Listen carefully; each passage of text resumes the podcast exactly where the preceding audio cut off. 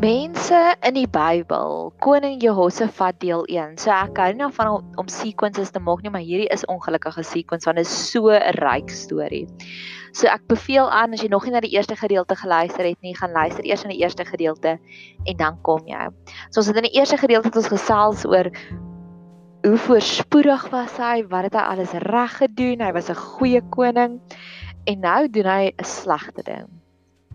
Koning Agab die koning van die noordelike gedeelte van Israel, die bad koning, koning Agab was getroud met Isabel. Het jy al gehoor van Jezebel spirit? Dis waar dit vandaan kom. Sy was regtig the worst of the worst of the worst. So dit was amper die best of the best of the best want Josafat was 'n baie goeie koning wat wat 'n verbond sluit met the worst of the worst of the worst.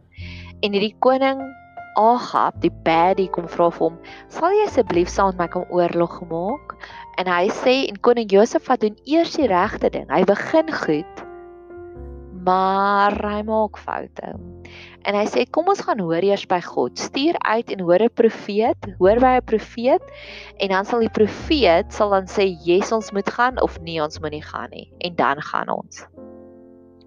En hulle stuur toe nou en hulle gaan haal 'n klomp profete en koning Josafat is nog glad nie beïndruk nie en hy sê weet jy wat daar moet nog iemand wees. En hierdie koning Agab sê, "Ja, die enigste een is Micha en ek dink dit is dieselfde Micha wat die boek Micha geskryf het, nie profeet, maar hy sê nooit goeie goed van my nie. So kom ons ignoreer hom. Kom ons luister net na hierdie ander." En koning Josafat dring aan daarop en hy sê, "Gaan haal vir Micha." dat ons by Micha hoor of moet ons gaan oorlog voer. En eventually gaan haal hy vir Micha en Micha sê, "Sjap, jy kan maar gaan." En die koning Agab sê: "Wat? Jy sê altyd slegte goed vir my." En hy sê: "Ja, maar jy luister in elk geval nie vir my nie. So jou straf is God praat nie meer met jou nie. God het nou en hier hoor hierdie stukkie. Hierdie stukkie gee vir my chills." En nou kyk, dis 2 Kronieke 18 vers 22. En nou kyk, die Here het 'n leengees in die mond van hierdie profete van U gegee, terwyl die Here tog onheil oor U gespreek het. En daar's 'n stukkie in Romeine wat ook sê as iemand so 'n bad persoon is, eventually gee God hulle oor aan hulle slegtigheid. En dis hoekom daai goeie vraag van daai vraag wat soveel mense vra is, hoekom gebeur goeie goed met slegte nee, hoekom gebeur slegte goed met goeie mense? Want God tugtig ons. Hoekom lyk dit vir jou asof jy goddeloos is, um floreer? Want God het basies opgegee op hulle. So die feit dat jy nog steeds deur versoekings gaan, deur tribulations gaan, dis 'n goeie ding want dit beteken die Here het nog nie opgegee op jou nie. Dalk is jy soos soos baie van die mense in die Bybel wat slegte goed het met hulle gebeur, want die Here probeer die heeltyd om sy verhouding met jou te versterk. En dis wat Jakobus bedoel het wat hy sê ag dit loutere vreugde my vriende wanneer allerlei beproewinge oor julle kom. En dis een van die vreugdes om te sê, "Yes Here, hierdie is nie vir my lekker nie, hierdie is my uitdaging. Ek voel my geloof word getoets, maar dis 'n baie vreugde want dit beteken ek nog nie opgegee op my nie." Versus koning Agab, koning Agab het die Here lankal opgegee. Hy sê, "Jy gaan net leuns hoor want jy wil net leuns hoor, so go for it." So mag ons dit ook ag dit louter vrede. Vreugde. En hier's hier's een van my persoonlike next level gebeure wanneer ek regtig voor down and out is en ek word erg aangeval sal ek vir Here sê, Here ek ag dit nou louter vreugde nie. So gee asseblief my die joy in hierdie oomblik ook. En baie kere sal hy vir my die joy gee in daardie oomblik. So in elk geval, hierso gaan hierdie tweeetjies toe nou uit. Hulle gaan voer toe nou wel oorlog en hierdie koning Agab is nou weer 'n baddie en hy vermom homself en hy steek homself weg. Hy trek 'n Halloween kostuum aan en hy gaan kruip iewers weg. En toe hulle gaan oorlog voer het, toe sien hierdie mense, toe sien die vyande net vir die goeie koning, vir koning Josafat en hulle besluit hulle strategie is, hulle gaan eers moeite doen om teen die soldate te veg nie. Hulle gaan net gaan vir die koning. En toe sien hulle hierdie koning en hulle dogter, nou dis koning Agab, dis die baddie, maar die baddie het 'n Halloween kostuum aan, so niemand herken hom nie. En die, op die oomblik toe hulle vir koning Josafat wou doodmaak, toe kom die Here en die Here steek hom weg en hy ontsnap. En daar's keer op keer in die Bybel wat so iets gebeur. So dis al klare wonderwerk. Hierso is dit ek wil dit graag vir jou lees. In 2 Kronieke 18 vers 31 en hulle het hom ons omsingel om te veg maar Josafat het geskree en die Here het hom gehelp. En God het hulle van hom af weggelok. So die Here spaar sy lewe. En daar's hierdie daar's twee kere wat mense ook reg is om vir Jesus te vermoor. En dan stap hy net stilletjies deur hulle En ek het al hierdie ding gebid om te sê Here steek my weg keer op keer. Wanneer daar verkeersbeamptes is en ek sê nou lus en ek het nie nou tyd om te stop en vir hulle alles te wys nie, sê ek het Here steek my asseblief weg by die verkeersbeamptes af. En dan ry ek net verby en dan sien ek hoe trek hulle die kar voor my af en dan ry ek verby en dan sien ek hoe trek hulle die kar agter my af. Ja, dis een van my grootste seënings. Sê Here, steek my net weg. Soos wat U vir Jesus weggesteek het, God het vir Jeremia ook so weggesteek van sy vyande en soos wat hy nou hier vir Josafat gedoen het. En op 'n stadium toe vang hulle toe na die regte koning, koning Agab, al was hy met 'n in 'n Halloween kostuum en hulle maak hom toe nou op dood. En op 'n net na hierdie stukkie kom 'n profeet na koning Josafat toe, na die goeie koning toe en hy raas met hom. En hy sê, "Weet jy wat, jy eintlik 'n verkeerde ding daar gedoen. Jy het nie voor die tyd vir God gevra of moet jy met hierdie slegte koning in verhouding tree nie. En dis wat ek ook nou voor die Here wil kom gee. Asseblief Here, kom gee ons 'n tweede kans. As ons regering namens ons enige slegte ooreenkomste gemaak het, kom en ek surrender dit in U hande en sê Here, kom help ons asseblief. Die die um die profeet sê vir hom in 2 Kronieke 19 vers 2 moet 'n mens die goddelose help en het hy lief die wat die Here haat. Hoe mooi is dit?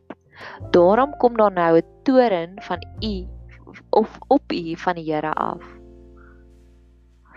En in elk geval en so gaan die storie toe nou aan en op 'n stadium toe vergewe die Here toe nou vir Josafat en hy het toe nou begin die regte dinge doen en hy het begin om weer die Here te soek en die en op die ou ene van die dag toe is die Here toe nou weer by hom. So mag ons ook altyd daai sagmoedige gees hê wanneer ons iets verkeerd gedoen het om te sê Here, ek is jammer en Here help my asseblief.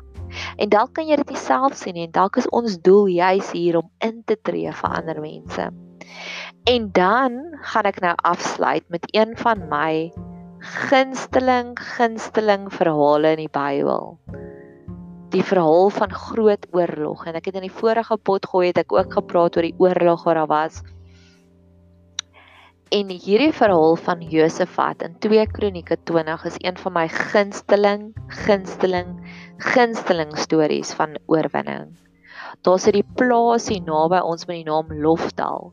En ek kan nie help om elke keer wanneer ek verby die plaas ry, 'n foto te neem van Lofdal nie want Loftal is die hoogtepunt, dis die dis die episenter van die hele storie. So op 'n stadium besef hierdie koning Josafat, hy het drie vyande wat teen hom kom. Hy het vir Moab, hy het vir Ammon en hy het vir Meunite. En dan kom hulle, dan besef hierdie koning Josafat nou het hy groot probleme. En die eerste ding wat hy doen is hy roep 'n vasdag uit. En die tweede ding wat hy doen in 2 Kronieke 20 vers 4 en Juda het byeengekom om van die Here om hulp te soek. En selfs uit al die stede van Juda het hulle gekom om die Here te soek. So hy roep eers 'n vasdag uit en dan maak hy 'n massive, 'n mass worship diens.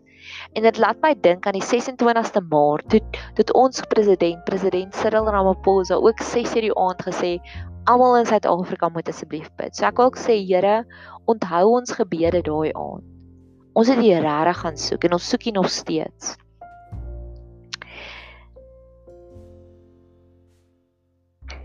En hulle um en hulle herinner die Here en hulle noem vir Abraham God se vriend in vers 7 en mag ons ook daardie cheekiness hê om te sê Here, ek weet ek het 'n verhouding met U en ek weet ek is U vriend. So help my asseblief. En in vers 12 sê hulle, hoor hoe mooi is dit. En ons weet nie wat ons moet doen nie, maar ons oë is op U. Ek dink dis een van die mooiste gebede wat God kan hoor is om te sê, Here, ons weet nie nou wat om te doen nie, maar ons weet ons oë is op U. Een van my gunsteling gebede is the whole of the moon van die die liedjie van die Waterboys. Wat wat hy sê is I had flashes, you saw the plan. Dat ons altyd mag onthou, ons sien net 'n gedeelte. Ons net sien net die kraantjie van die maan, maar God sien die hele maan. God sien die hele plan. En op hierdie stadium wat hulle gebeur is, God sê vir hulle Wees nie bevrees of beskrik van wie die groot menigte nie, want die stryd is nie julle saak nie, maar die saak van God. Julle hoef nie daarby te veg nie. Staan gereed, bly staan en aanskou die redding van die Here. En die storie gaan aan om te sê God kom en hy veroorsaak hierdie groot hinderlaag en ek het al baie gaan navorsing doen oor wat was hierdie groot hinderlaag maar God skep hierdie groot hinderlaag vir hulle op en die die kinders van die Ammon, Moab en die Moabiete begin self teen mekaar te veg. En die volgende oggend toe Josafat en sy groot weermag aankom om hierdie oorlog te voer, toe lê almal dood daar. Hoe amazing is dit? En die mooiste gedeelte van hierdie hele storie is um om te sê dat hulle het soveel byt gehad wat hulle versamel het en dis waar die kruisverwysing inkom om te sê ons is meer as oorwinnaars in Christus. Met ander woorde, ons sal nie net oorwin nie, ons sal beter afwees na alles en ek glo dit en ek spreek dit uit. Na hierdie grendelgreep, ons ekonomie gaan nie in duie stort nie, ons gaan beter afwees want ons gaan na die Here toe. Ons ekonomie gaan sterker wees na dit want ons gaan na die Here toe. Ons gaan meer as oorwinnaars hier uitstap. Hulle het soveel dinge ingesamel want op daai stadium het die oorwinnaars het ingegaan in die kamp van die losers af en hulle het alles geplunder wat hulle wou gehad het. Hulle het goud gekry, hulle het wapens gekry, hulle het kos gekry.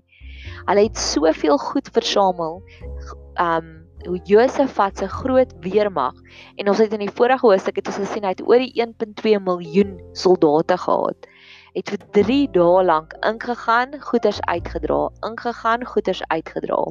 Nou kan jy jouself net imagine hoeveel goed moes dit gewees het. Ek weet nie hoe groot is jou huis waarin jy bly nie, maar ek het al keer op keer op een dag uitgetrek en ingetrek en my hele huis uitgepak, ingepak in 'n dag. Ok, nee, in 'n dag nie, ek het ingepak paar dae voor die tyd, maar die byt was soveel dat 1.2 miljoen mense moes vir 3 dae ingegaan het, dinge versamel het, uitgegaan het.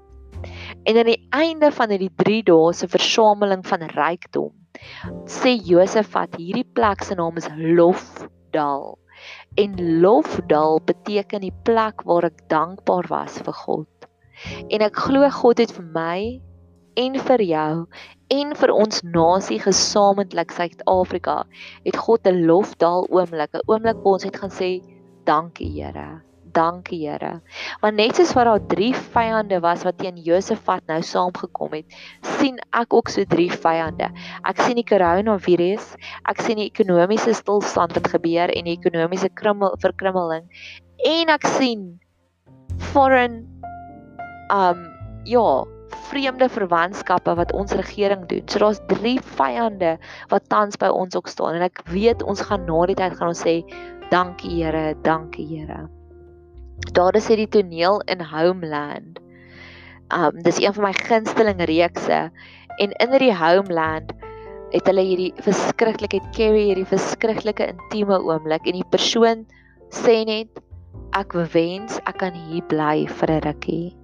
En dis waarna ek op soek is. Is Here, ek wil soveel dankbaarheid hê dat ek wil sê ek wil nie aangaan met my lewe nie. Ek wil net hier bly in hierdie oomblik van dankbaarheid en net hier bly in elke oomblik van dit opsouk. En ek wil afsluit met die volgende een om te sê om met vreugde na Jerusalem terug te gaan, want die Here het aan hulle vreugde verskaf oor hulle vyande mag ons daardie vreugde kry. En die volgende een is die skrik van die die en die skrik vir God was op al die koninkryke van die lande toe hulle hoor dat die Here teen hulle vyande vir Israel gestry het. So hulle het hierdie tipe van immunity gehad van daar af na vorentoe want almal het so groot geskrik omdat die Here hulle so groot gehelp het, niemand het hulle weer aangeraak nie.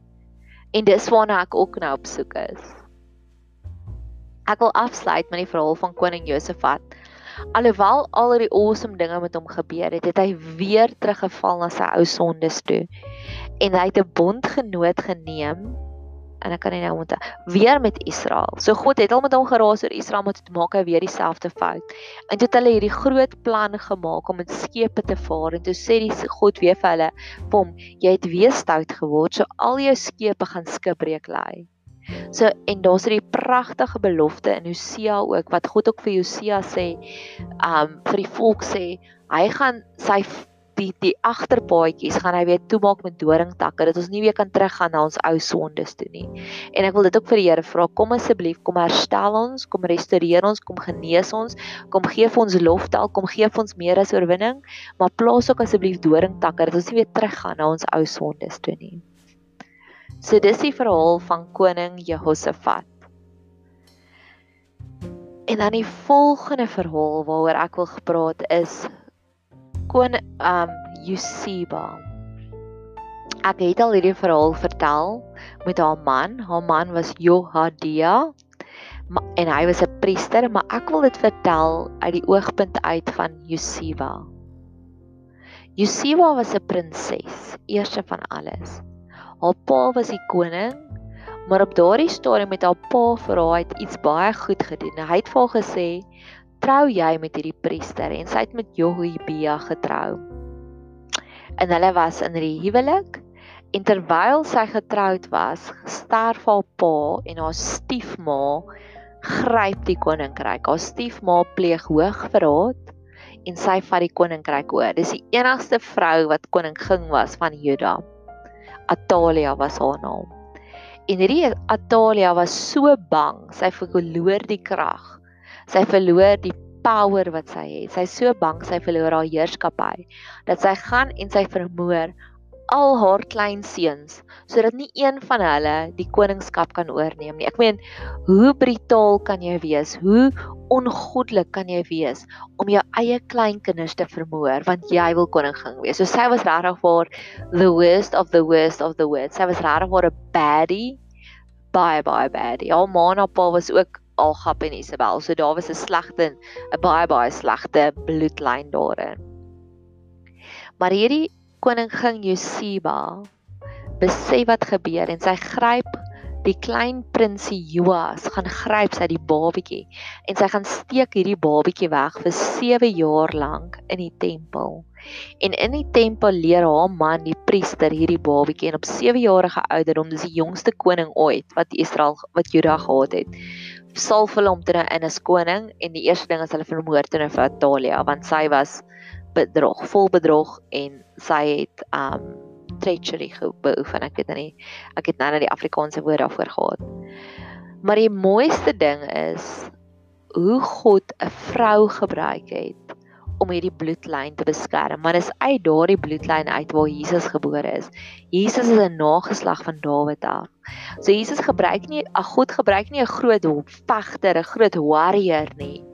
Nee, God gebruik hierdie vrou om hierdie babatjie weg te steek. En dit is vir my so wow want selfs nou in hierdie stadium waar ons nou is, ek het dit al keer op keer gesê, is ek sien dit soos 'n bring en braai. Ons elkeen bring ons eie gereg na die tafel toe en ons almal eet saam daarvan. En mag dit juis nou vir jou in hierdie tydperk waar ons nog nooit so hard in ons generasie was daar nog nooit so intense oproep na gebed toe onder ons Suid-Afrikaners of onder die wêreld soos wat daar nou is nie. Mag God vir jou leer dat daar is 'n plekkie vir 'n Yusiba vir 'n vrou wat ietsie na die tafel toe bring, wat een of ander gereg na die tafel na die braai bring en braai te bring. Mag jy sien dat jy het ook 'n unieke boodskap, 'n unieke motivering om te bid.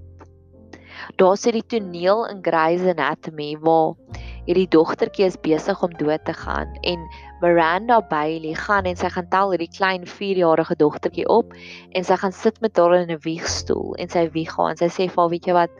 Alles gaan oukei okay wees alles gaan oukei okay wees. En dit is my so die mooiste beeld van haar want Miranda Bailey oor die algemeen hulle noem haar die Nazi sy's die harde vrou sy's die vrou vol reëls maar haar moederlike instink kom uit toe sy hierdie kindjie sien En ek glo so het God ons elkeen uniek gemaak en ek het baie gaan navorsing doen oor Josiba. En daar's twee stukkies wat ek gaga vir jou wil lees in Engels. Die eerste een is oor vrouens. They were bold and courageous and they took initiative. They challenged the status quo. They pushed the boundaries for God and they risked their lives when others stood silent. En dis my grootste gebed in die vorige gebeure in die vorige paar dae met die podcast, het ek baie intens gebid van Here, ons het 'n hero nodig. Stuur asseblief vir ons ook 'n rigter, iemand wat opstaan en ons sal bevry. En ver oggend toe lees ek hierdie van Josiba en ek besef selfs ons vrouens met ons sagtheid het ook 'n groot rol om te vervul. En dan wil ek nog iets vir jou lees. Jennifer Han Hulbrook and published by Psychology Science in 2011. This well documented phenomenon, known as material aggression, is a hardwired response triggered naturally by breastfeeding. Certainly, God did not design a mother's body this way in order for her always to stand aside. Women, as much as men, are created to obey God's calling to protect the vulnerable and to aggressively fight for justice, no matter the cost or how much trouble they might stir up. Mag ek en mag jy werklik vir sê hier is ek Here stuur my. Dalk is dit om 'n babatjie te red. Dalk is dit iets baie groter. Dalk is dit om kospakkies uit te deel. Dalk is dit om te bid Mag ek en jy werklik waar die Josibas word van hierdie generasie. Die Emily Hopehouses, die Mother Teresa's, die Florence Nightingales. Mag jy 'n super geseënde dag hê verder.